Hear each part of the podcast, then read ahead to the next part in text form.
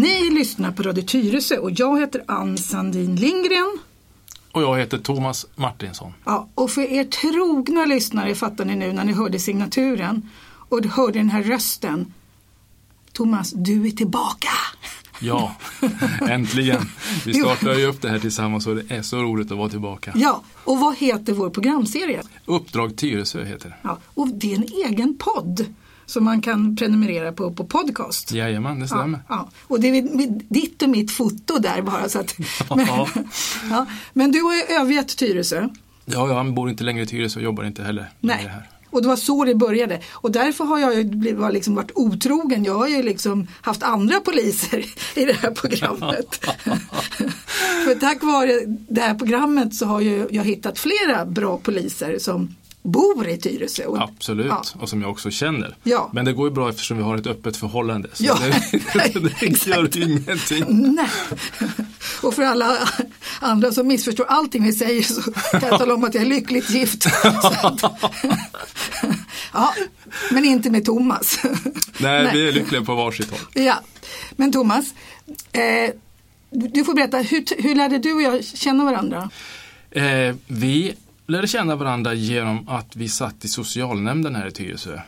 Eh, då för Socialdemokraterna. Vi, i, och eh, engagerade oss där helt enkelt. Och idén till att vi sen hamnade i, i det här forumet var att vi ville på något sätt kunna återge och återskapa det som avhandlades i de delar man kunde göra det och i och med att jag jobbade som polis i Tyresö också kunna alltså berätta vad ja. som egentligen händer liksom, och hur polisen arbetar. Och, och vilka beslut som fattades och sådär som man ja. kunde gå ut med. Och då var det väldigt lokalt. Sen har vi pratat polisuttaget, alltså kriminalitet. Ja. Och vi har rört oss både från Tyresö och i de stora och diskuterat polisens arbete överhuvudtaget. Ja, i de stora ja. sammanhangen också. Och du har under tiden jobbat med lite olika saker. Vad jobbar du med idag? Idag jobbar jag inne i, alltså på Kronoberg inne i Stockholm city. Det är det stora polishuset? Det stora polishuset. På Kungsholmen? På Kungsholmen, ja. Mm. Det är en enhet som en tekniskt kallas operativt stöd 1 men där ingår beslag, godsspan då, där jag tillhör och eh, ja, fordonsdelar som säger. Men allting ligger under själva titeln beslag men jag hör till godsspaningsenheten. Vad gör man då? stulet gods, eh, allt guld och silver, lägenhetsinbrott och sånt där. Mycket sånt där säljs på pantbanker. Eh, de forslas tyvärr mycket utomlands också där det blir mycket svårare att kunna spåra. Eh, och sådär. Men eh, kort och gott så försöker vi spåra eh, och spana efter stulet gods. Mm. I ett tidigare program nu i den här serien så pratade jag med dina två kollegor mm. Lars Alvasjö och Tommy Hansson. Och då pratar de om, om det här med gränspolisen att vi har ju egentligen ingen koll på vad som förs ut ur landet. Nej, jag är, jag håller, jag jag är fullständigt enig med dem. Mm. Eh, det, och när vi kommer in på, på det så är det ju också, polisen är ju en del men vi är ju liksom en, i, i ett om man säger, kluster utav, utav myndigheter som på något sätt behöver samverka. Där tullen är, har en avgörande eh, del när, när det kommer till gränsöverskridande eh, brottslighet. Mycket. Och de, har ju, alltså de är ju nästan lika åderlåtna eller om inte värre åderlåtna än vad Polismyndigheten är i vissa delar. Framförallt har de ju inte möjlighet att kunna göra seriösa alltså koller, gränskontroller på vad som förs ut och vad som också förs in. Eh, för att inte tala om det här så mycket vapen vi, vi, har. Och de kommer ju in lätt, det är bara att åka över bron. Ja, alltså mer eller mindre så är det så. Och tullen skriker också efter, efter resurser, precis som vi gör.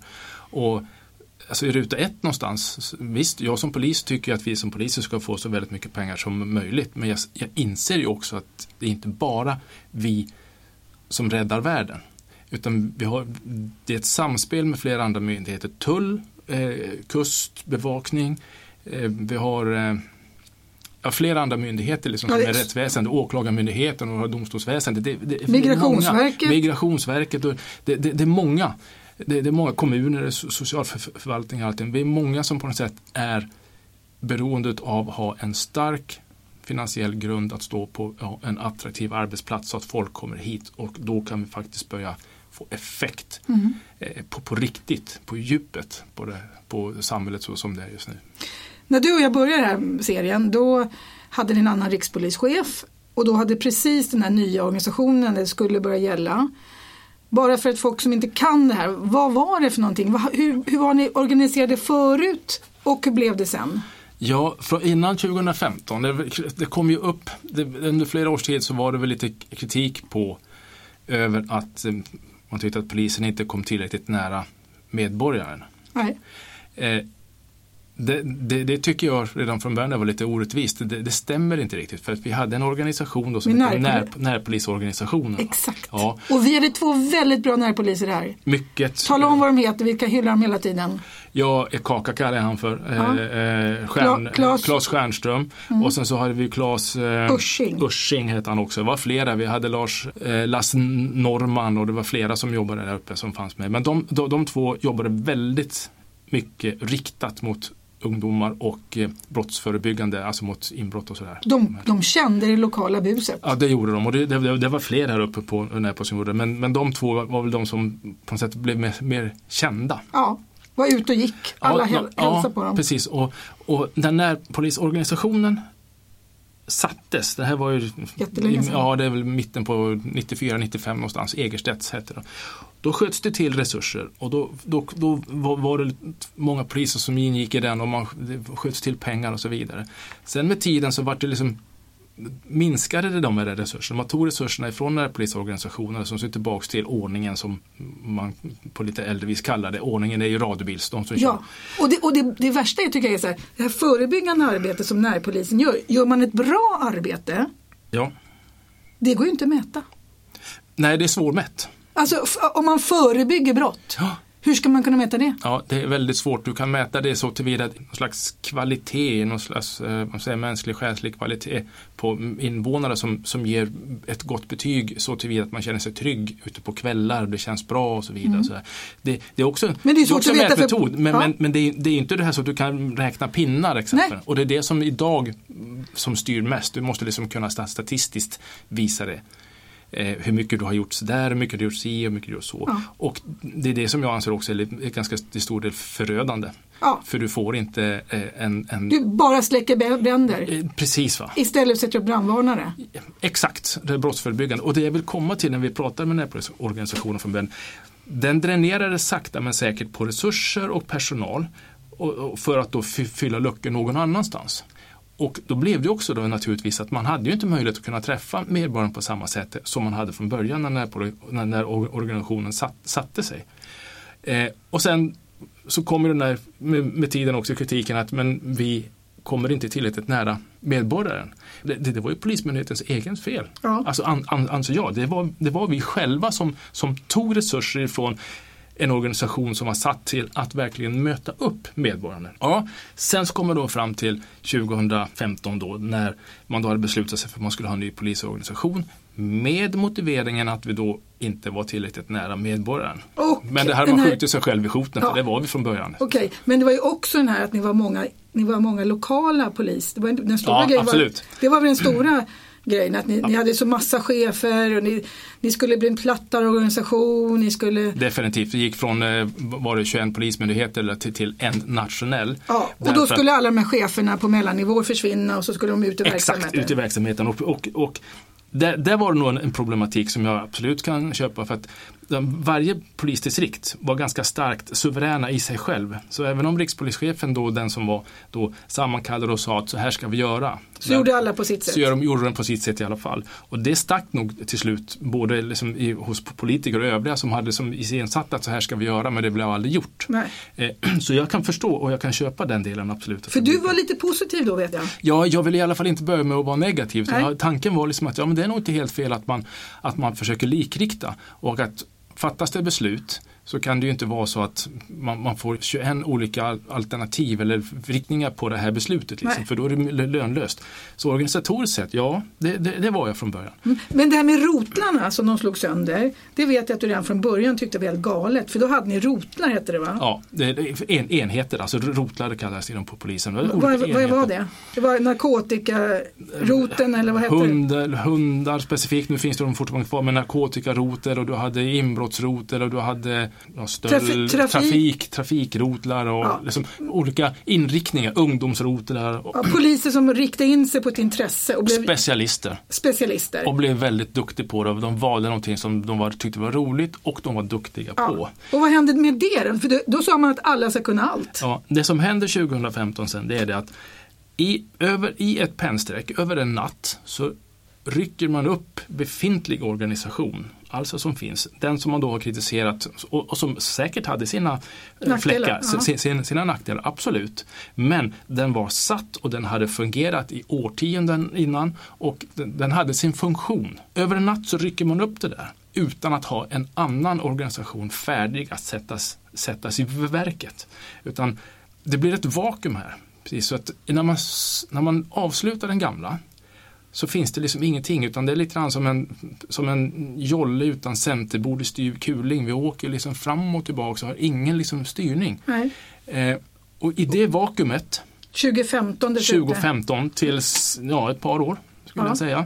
Och då 2015 hade man ju också en extrem situation i Sverige. Ja, det är precis, då kommer ju eh, de här stora eh, flyktingvågorna så- som, som Sverige, som landet aldrig har sett på Nej. maken till förut nå- någonsin. Så 2015-2016, så, alltså lite raljerat så, säger, så, så har vi inte mycket till en polisorganisation, i alla Nej. fall inte en fungerande sådan. Nej. Och sen Eh. hade ni rikspolischef som ni själva inte kände fattade vad ni höll på med. Nej, Han fick extremt mycket kritik. Ja, det fick han och många gånger med all rätt tycker jag och en del gånger så var det väl lite orätt också Ja. kanske så. Abs- blev- Mm. abs- Absolut. Sen har man ju förstått också att hans eh, verk, eller vad säga, det, det han hade att göra det var att han skulle genomdriva den här or- organisationen. Så att, Han fick ett omöjligt uppdrag. ja, han fick ett omöjligt uppdrag. Inte bara han fick, utan han tog det. Han, Ja. han ansåg att han kunde genomdriva det här utan, de Utan resurserna. pengar, utan re- resurserna. För i den där utredningen där man sa att den här organisationen skulle så skulle ni få två extra miljarder och fick man inte de pengarna så skulle man inte klara den här Exakt. omändringen och det kom inga nya pengar. Det kom inga nya pengar och det var ju han som hade liksom, som var Han sa att det, det funkar nog ändå. sa Ja, men det, och det var ju Rolén då Ja. som var satt att liksom gå igenom och få, få till en ny polisorganisation. Mm. Det var ju från honom, så han sa att det här, det här, är, inte, det här är inte genomförbart om inte de här extra två miljarderna till, tillskjuts. Mm. Och då kliver då eh, Eliasson in och säger att eh, men det, här, det, här, det här kan jag ordna. Ja. Och hur utan blev det då? pengar. Ja, men det är katastrof. Katastrof. Ja. Ja. Ja, för det kom ju faktiskt en utredning som sa precis det. Statskontoret kom med en stor bibba som vi i förra programmet diskuterade när La- Lars Alvarsjö har till och med läst igenom hela den här bibban. Mm. Och den var ju enormt kritisk. Det var ju nästan ingenting som hade gått som man tänkt sig med nya orga- polisorganisationen. Ja, nej, det var ju en, det, det var en snyting från golvet upp till himlen ungefär. Ja. Den, den var riktig käftsmäll. Ja. Eh, ut, utan att jag bara skummat valda delar i den men, men eh, det, var, det var säkert ingen rolig läsning för polisledningen generellt. Nej. Sen, sen eh, det man sa i och för sig att nu har man i och för sig fått förutsättningarna för egentligen bättre polisorganisation i och med att man har gjort hela den här centraliseringen och ni har ju fått en mycket bättre rikspolischef. Ja, vi har fått en rikspolischef skulle jag vilja, om, Ja. om jag uttrycker mig så. En som är polis. En Och- som är polis och har, har, ja det har han nog i själ och hjärta, det har jag förstått. Men också han, han har många år erfarenhet av polisverksamhet, utav den gamla organisationen. Och kommer också från eh, Säpo och varit chef för Säpo och kommit tillbaka. Så att han, han vet vad han pratar om. och han heter Anders Thornberg. Han heter Anders Thornberg. Sen och du så- träffar honom, han jobbar i samma hus som dig. Ja, det gör han. Är han populär även så nära? För att vi som hör honom på radio eller ser honom i tv, vi blir väldigt, jag blir ganska imponerad av honom. Eh, Ja, utav kollegor som, som jag hör och pratar med liksom också liksom runt om så, så, så hör man att man, man har respekt för honom. Man har respekt för ja, honom. det- och på ett bra sätt. Ja. Det, det, det känns som att äntligen har vi fått in någon som åtminstone liksom vet hur verksamheten ska dras, Ja. hur den ska skötas. Sen så sitter han ju också, han har ju, han har ju liksom det han har att förhålla sig till utifrån politiker och andra. Så Ja. säga, va. Han har nog ett annat mandat helt enkelt än vad Eliasson hade också. Ja. Och det, det som är roligt har vi pratat om flera gånger. Man har ju faktiskt nu i alla partier lovat mer resurser till polisen. Ja. Så får vi se vad det blir av det. Men Thomas, du och jag träffades ju då i ett politiskt sammanhang. För du valde ändå att engagera dig politiskt. Varför, varför gjorde du det? Ja, men alltså, man kan inte bara man kan inte bara sitta och fika tycka. Lite grann. Och, Sitta framför tvn och fisa som jag Ja, brukar säga. ja. Och klaga.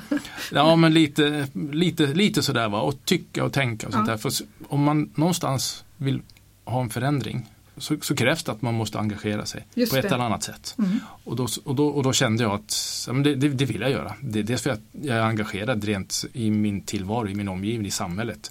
Eh, Jag har, jag har barn och, och jag känner att jag vill bidra med någonting som gör att det blir Ja. bättre för mina barn någonstans. Och jag ser ju dig, vi är Facebook-kompisar, du delar Mm. ganska mycket politiska saker också. Du reagerar på saker som händer i, i samhället. Ja, jo men det, det gör jag. Och jag tycker och jag tänker kring det hela. Och det, det, det mår jag bra av. jag, jag vill ta ställning och jag har inga problem med att ta ställning. Nej. Jag vågar ta Och ställning. då när du gick med och satte tag i socialnämnden, för det var det politiska uppdrag du fick när du kom in. Ja. Hur var det tycker du att sitta i socialnämnden i Tyresö? Det, det var lärorikt. Jag har, jag, har inte haft något sånt uppdrag innan. Så det var lärorikt och, och på många sätt. Dels för att se hur, hur den, en sån organisation fun, fungerar inifrån. Ja. Det var också frustrerande därför att man märker att det är många gånger ett tröskverk. Som, det är lite grann som att ja, man skulle trampa vindruvor i 2000 år. Man, man ser en problematik och man identifierar den giv- givetvis. Men kom, man kommer inte åt att kunna och, och göra någonting åt den. Nej. men- Beroende, beroende på att det nästan alltid är i slutändan pengar Ja. som, som styr det hela. Och det, det kan vara hur allvarligt som helst och alla förfasar sig över det som händer och, liksom, och, det, och det, man, man, man skakar på huvudet om man verkligen förfasar sig. Till slut, så när man tittar på kronor och ören för att en budget är satt, Ja. så överskriver man inte den därför att den är satt. Den gränsen går man inte över. Hur stor, hur illa effekten blir, trots det så gör man inte det i alla fall. Och det var precis det som du och jag, jag hoppade av före dig. Ja, Därför att jag blev så frustrerad på den tiden, det här var en år sedan. Mm. Då gick ju socialnämnden hela tiden back. Mm. Och de där stackars cheferna fick ju stå där och liksom parodera, eller parodera, de fick liksom komma in och förklara sig varför de inte höll sin budget. Ja. Och då var det såna här saker som att det räckte med att två eller tre personer hade varit, varit med i bilolyckor och fått personlig assistent. Alltså en person som har rätt till personlig assistent får, måste, det, det kostar typ jag kommer inte ihåg, en till två eller tre miljoner var per år. ja. Ja. Och då kunde de, de kunde ju inte säga så här, ah, i år ska vi bara ha tre. De, Ja, men det- det de, går ju inte. De var ju Nej. tvungna, de var ju tvungna att följa lagar. Ja, och vart det fler ungar som har varit omhändertagna så kostar det. Och då var det så här, De ska placeras och de, det är enorma kostnader. enorma kostnader. Och det gjorde man, när man satt där kände man, jag kände mig liksom fångad Mm. i socialnämnden. Därför att man in, just inte gjorde de här grejerna. Nej. Exakt, Eh, huvudet på spiken. Ja. Det är bara en sån stor frustration Ja. över att sitta och konstatera och, och se de här cheferna som kommer in och de, de är ju chanslösa från början. För de, De är- har, de, har, de har inte ens marginal från ruta ett. Nej, och de slut, när vi var där så slutade socialsekreterarna, Mm.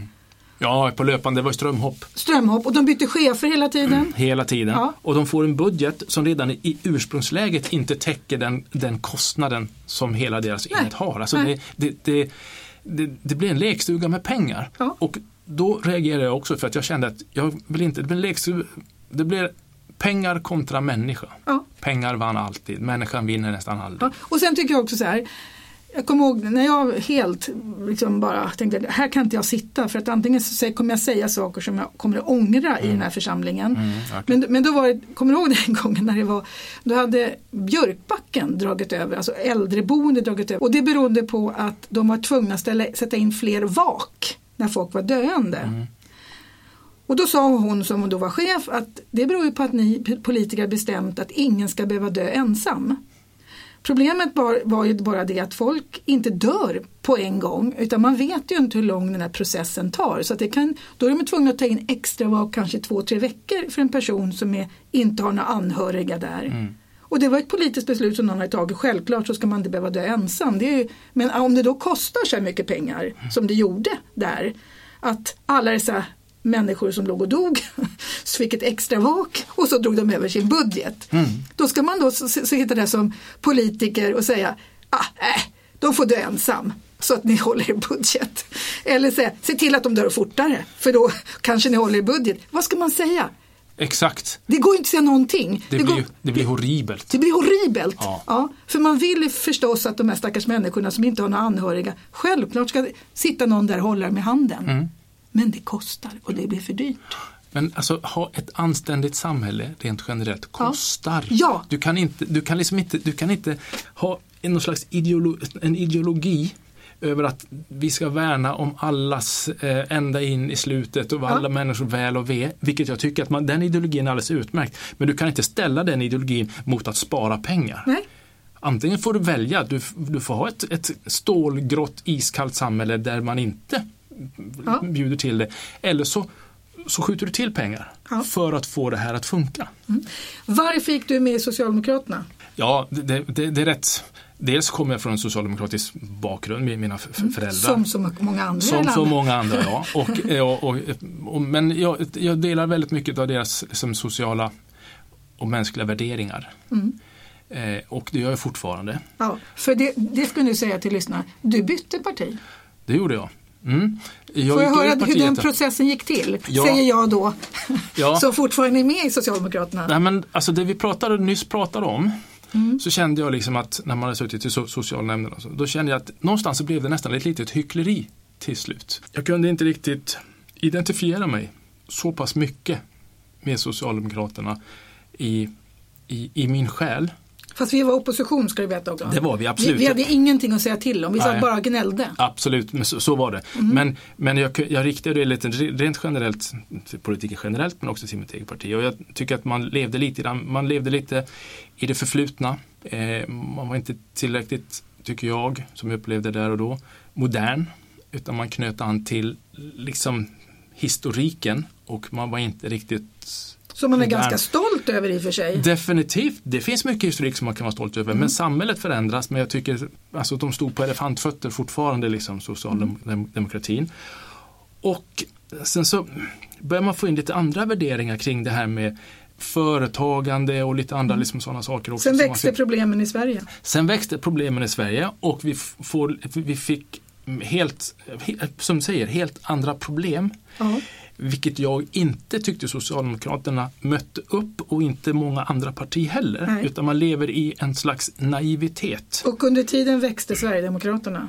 Ja, det gjorde de därför att det fanns inte något annat parti som som fångade upp den oron, eller många utav, medborgarna som kände en viss oro. Eller in, inte en För viss. de saker som du ser dagligen. Skjutningar, bomber, granater Ja, och- i Sverige. ja, och- Sprängs och har sig. Ja. Exakt. Och där så kände jag, kände jag att men, det här med vänster och högerskalan, den gav mig inte så mycket mer att bara att man blev placerad antingen till vänster eller till höger eller i mitten. Utan det måste finnas fler parametrar. Jag liksom gick igenom och tänkte efter liksom, vad, vad ger det här mig? Och jag kan fortfarande känna att jag har fortfarande samma sociala humanistiska grund. Fast jag har, om man nu ska titta på vänster, högerskala, eh, vänster och högerskala, gått mer till höger. Där Medborgerlig Samling då håller sig Du har gått över till Medborgerlig Samling. Ja. Ett litet, litet parti. Ja, ett nystartat parti kan Nystartat man säga parti. förhållandevis. Ja. Ja. Och lite borgerligt. ja, det är borgerligt. Det Ja. är liberalkonservativt. Ja. Så. Och, men det, det är just det, jag släpper just det där höger och vänster.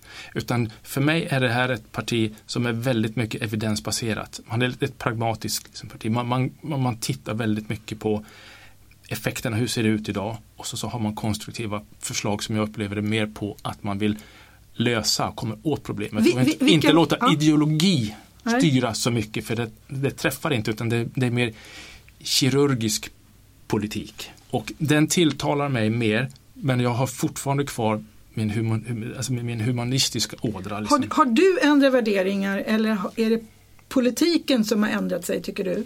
Ja, eh, jag har ändrat värderingar, det har jag gjort. Eh, det har jag gjort. Om politik, om, mm, För den var lite svår. jag, jag kan ju säga det att det som har hänt också det är att väldigt många partier gått i- ihop i mitten. Ja men så är det. Om det det, är här, så det här ja. Mm. som heter triangulering, det vill säga att Moderaterna lät som sossar och sossar låter som moderater. Alltså att man snor varandras bästa argument. Absolut. Och till slut ser folk inte skillnad på partierna. Nej. Idag går ju folk över från parti till parti på ett annat sätt än man gjorde för 20 år sedan. Ja, där, därför att det inte är någon större, det finns Nej, två, i... två partier som verkligen står för skillnad. Det är Vänsterpartiet som verkligen står för sina gamla, som låter som sossarna gjorde på 70-talet, tycker jag då. Det här är min analys bara så ni vet. Det här är inte någon statsvetares analys analys. Men de är tydliga med dem och de ökar. Mm. Och SD som står ensamt där borta på andra sidan och de ökar. I mitten är ju egentligen resten av partierna. Och de ökar ju för att de står fast. De håller fast vid sin, alltså en, en grund, liksom tes. Det här har de stått för. De är tydliga och de är liksom enkla så tillvida för medborgarna att tycka. Men det här tycker jag, det här Ja. tycker jag om. Och de står fast vid det. Och det, det tror jag är en av, orsakerna en av orsakerna. till att folk har svårt då att välja. Och nu pratar man ju, nu, när, vi, när vi sänder det här så kanske det finns en regering. Men i stort sett kan ju alla, alla vill ta alla i handen på sina villkor. Bara de inte tar handen med Vänsterpartiet och Sverigedemokraterna. Det är ungefär, de håller utanför de två partierna Ja. i de flesta konstellationer. Så de, nu, nu när ni lyssnar på det här så kanske ni redan vet hur det blev. Men när vi spelar in det här så har vi ingen aning. Det är fortfarande så att regeringen inte bildad när vi spelar in det här i början av november. Ja, början av november. Sen är det så att man vill inte prata med Alltså de här ytterligpartierna som vi pratar då. Mm. Om nu skulle, alltså, på, yttersta kan- kanterna då, Vänsterpartiet och Sve- Sve- Sverigedemokraterna. Där, där går ju en, en markant skillnad. För Vänsterpartiet är man med, de får inte vara med i regeringsbilden men man är med och gör upp med Vänsterpartiet i olika frågeställningar. Socialdemokraterna har alltid ja, gjort det. Ja, just det. Men de, de fick inte vara med. Nej. Socialdemokraterna sa nej, ni får inte vara med. Men vi kan i göra upp med, i, i valda frågor. Mm, för ni är kommunister. För ni är kommunister. Ja, det kan man inte göra. På andra sidan har vi Ja. SD. Eh, De pratar man inte ens de, med. de, de pratar man inte ens med fast de har runda slängar kanske 20 procent. För de är eh, rassenassar. Ja men precis och de har ju sin historia någonstans. Mm. Rasister, någonstans. nazister, fascister. Ja men precis. Och eh, Vänsterpartiet har sin inte så smickrande liksom, nej. bakgrund den heller. Men ena, ena del, Vänsterpartiet får vara med i valda delar och diskutera med. Men man gör inte det i andra änden. Och jag Nej. kan inte köpa det. Jag kan inte riktigt förstå att man inte i valda delar. Mm. Sen så får man välja vilka saker man vill hålla, liksom, hålla en di- di- diskussion dem. Och det fattar inte jag heller. Och även som sosse fattar jag inte. För det finns en bok av Pierre Schori, en gammal socialdemokratisk minister. Han har skrivit, du alltså prata med fienden heter den. Hur ska man komma framåt? Man måste prata med fienden. Eller känna din fiende. Så Ja, det är liksom så allting handlar om egentligen. Prata med dem som har andra åsikter. Hur ska du annars kunna nå dem? Ja, men eller hur? Eller hur? Alltså, det, alltså för mig är det den här låsningen, jag, jag tycker den är genant och jag tycker, Tycker jag den är lite pinsam för svensk politik generellt. Det tycker jag också. Det, det, det är en, en, ett, ett fågelbad där politikerna ligger och plaskar omkring och liksom, nej, principen ska man inte Och, göra dit och jag tror faktiskt att de förlorar, alltså politikerföraktet nu ökar av, alltså inte på grund av att människor inte är intresserade av politik. De som är intresserade av politik orkar ju inte med såna här pajasgrejer. Nej men, så, men precis det är det ju. Och det är bara att titta sen de gör undersökningar i partier, medlemmar i olika partier för att ta, Ja. eh, för att ta eh, liberaler och eller KD och mo- mo- moderater. Då. Där har man ju ett tryck i medlemskapet som, som tycker att, men för fanken, ursäkta svordomen, alltså, men prata åtminstone med Prata åtminstone. Sverigedemokraterna. Ja. Men det är inte prata. alla som tycker heller. Vissa partier säger man absolut inte. Det är total beröringsskräck. Man kan, man kan inte sitta, sitta i samma rum. Jag har till och med intervjuat inför valet så intervjuar jag våra Sverigedemokrater här. Och de säger ju det också. Att vissa vill inte ens prata med dem. Jag ansåg inte heller, liksom, förut så var det en beröringsskräck till Vänsterpartiet. Jag anser att man måste kunna prata med alla. Ja men absolut. Alltid. Prata! Ja. Det innebär inte att om jag går och pratar med någon om jag nu håller på Hammarby och så går jag och pratar med en aik så plötsligt blir jag ju inte hjärntvättad och blir aik rakt av. Nej. Har jag hållit på Hammarby av olika orsaker så ändrar man ju sig inte. Nej. Så att, vad, är, vad är man rädd för när man pratar med någon? Så har du och jag olika åsikter och jag är fast i mi, eller övertygad om att mina är rätt så är det kul att få höra vad du tycker. Men eller hur? Och jag har, och, och pratar vi så har jag också möjlighet att kunna försöka påverka Ja, ja. och förändra. Ja, exakt Liksom om, om det är så. Det, det är samma sak som om jag skulle sitta inne på polisen så kommer det in en svart man. Nej, jag, nej, jag håller inte förhör med en svart man. Så det går inte, det, det Mm. Mm. finns inte. Eller då kommer in en, en, en muslim eller en kristen eller vad, vad det är. Nej, jag håller, inte, jag håller inte förhör med muslimer, jag håller inte förhör med kristna Mm. någonting. Kommer in kvinnor. Nej, du, det gör inte jag. Jag vill bara, jag vill bara hålla exakt. Förhör med me- medelålders eh, män. Ja. F- 40, 40 plus, de håller jag förhör med. Alltså, det, Hall, det blir- hallå, du är ju svart så att du får tala om att du kan även... Ja. Du, Så är det. Utifrån din identitet så kan du, bara, lättare. ska du bara hålla för med svarta, Svarta. män över 50. Ja, men jo, men, ja, men absolut. Men alltså, Ja. det, jag försöker be, be, belysa Ja, jag det, det, det Galna. pinsamma i det hela. Nu får, nu, nu får de fan i mig ta, liksom ta sitt sunda förnuft till fånga och så börja prata. Sen kan man välja i vilka delar man vill, man, man, vill komma överens eller inte. Mm. Men man, man uppträder, politik för mig det är ett vuxet beteende. Men nu måste vi gå tillbaka till den här frågan, Mm. för jag är ju fortfarande socialdemokrat. Varför blev du socialdemokrat? Ja, och jag är socialdemokrat ungefär av samma orsak som dig. Jag är uppfostrad i en familj med sådana värderingar. Så att mina värderingar sitter ju väldigt djupt i mig när det gäller liksom vad jag tror på. Jag skulle aldrig kunna gå till det blåa laget egentligen i mitt huvud. För att det, jag tror ju liksom i grunden på att vi har byggt upp det här landet på ett väldigt bra sätt. Jag tror på den här, väl, det här välfärdssystemet och den här solidaritetstanken. Det gör jag med. Absolut. Och Det hade jag tror på tid. rättigheter och skyldigheter. Ja. Man betalar sin skatt och då innebär det att människor som har det sämre kan få hjälp. Det ska inte vara att man, folk ska behöva tigga för att få pengar. Så jag tycker om det här systemet vi har skapat och jag tycker då att folk som ute på högerkanten typ moderater och andra som säger var och en får klara sig själv. Det innebär ju att då måste man födas på rätt ställe. Mm. Så att jag anser ju någonstans den här solidariska tanken. Men jag har ju just nu jättesvårt med att man inte tar itu med de stora samhällsproblemen. Jag är ju jag säger ibland att jag är en deprimerad, desillusionerad sosse. För det är ungefär så jag känner. Man tar inte itu med vad ska människor bo? Vad ska de jobba med? Och hur ska vi klara integrationen? Och hur kan vi klara att ta emot så här många människor som vi gör när vi inte har jobb och bostäder? Så att jag förstår ju inte hur den här sociala ingenjörstekniken som vi varit duktiga på. Jag tycker man blundar för problem. Ja, visst säger man det. Man duckar för Man problem. duckar. Ja. Och om inte alla dessa människor kommer i arbete och betalar skatt, då kommer inte den här, den här, då kommer man sitta på ännu fler möten och spara och spara och spara. Till slut har vi det här iskalla samhället där människor får dö själva för vi har inte råd med det. Utvecklingen har ju påbörjats nu skulle jag vilja säga. Ja. Med alltihopa. Liksom det här. Ja. När folk inte kommer in och får känna sig ett sammanhang. Då har vi liksom det som börjar komma nu. Ja. Och fler och fler, fler, fler hamnar i utanförskap och så, så hittar man inte kriminalitet. Ja. Det, det, det, är liksom i, det, är för, det har påbörjats re- redan nu. Jag håller med dig i allt det, det, du säger och de har, Socialdemokraterna och den biten har liksom byggt landet och gjort det väldigt, väldigt bra på alla sätt och vis. Sen hänger, tycker jag inte riktigt att man har hängt med i Nej. utvecklingen av landet vilket då gör att man Man, ser, man tar inte tag med de, stora samhällsproblemen idag. inte- nej. Och Så, så- tycker så- jag också. Ja. Men får jag säga Ja, en sak? absolut. I, jag tycker att det är olika också i landet och i en kommun som Tyresö. Jag tycker ju, jag är aktiv, eller inte, nej det är jag inte. Jag är passiv socialdemokrat idag. Jag har inga uppdrag eller någonting sånt. Jag går ändå på möten, jag känner ju typ hundra sossar här ute. Jag tycker att jag på kommunal nivå där bedömer man väldigt mycket människor hur de funkar. Och jag tycker det finns väldigt schyssta människor i- det här partiet här ute.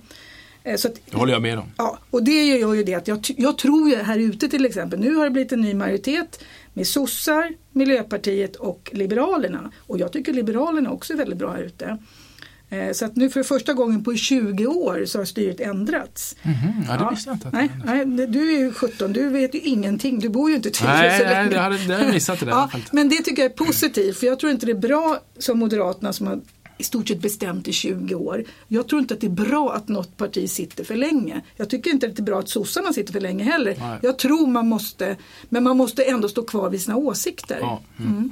Det- Återigen, jag, jag håller med dig där.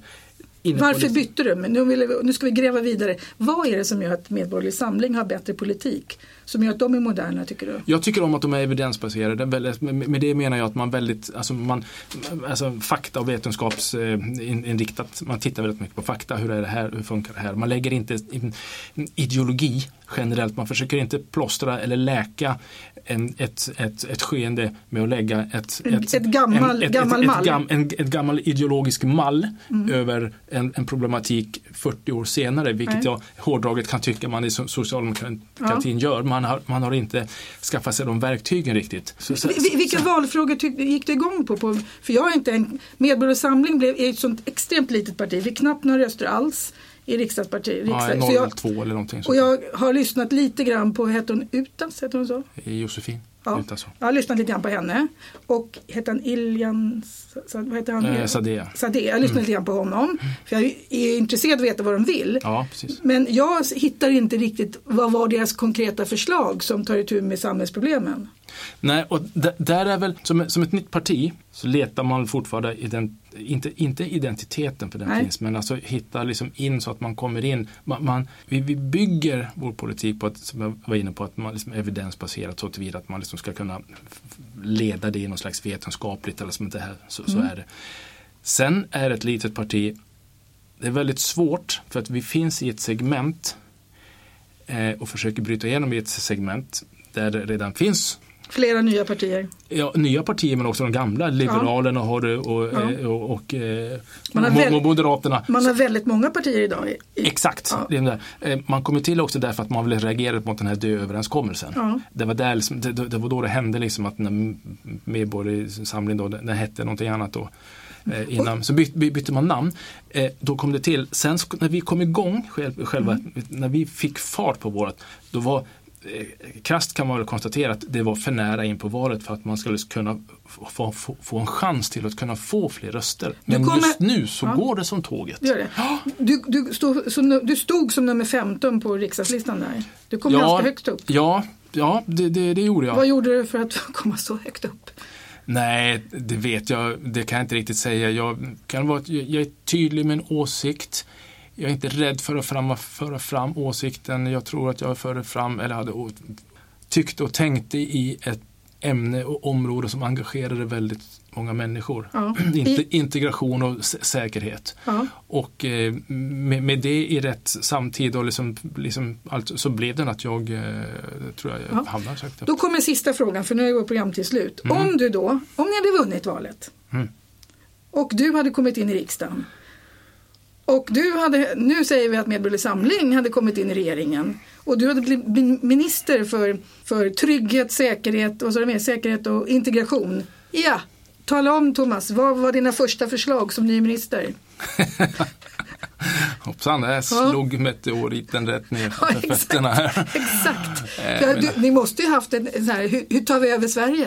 Vad är det första vi gör? Mm, för, ja, en av de första sakerna vi pratar om för att komma åt alltså brottslighet, kriminalitet och sånt. Så skulle jag se över en lagstiftning Mm. som inte riktigt eh, hänger med verkligheten samtidigt. Man måste se över en lagstiftning alltifrån Ja, nu, nu har det kommit en massa nya men det är må- många, många fler ko- korrigeringar. Vi måste ge oss själva mycket fler Det- verktyg för Ja. att komma åt en problematik, en, en, en grovt kriminell pro- problematik.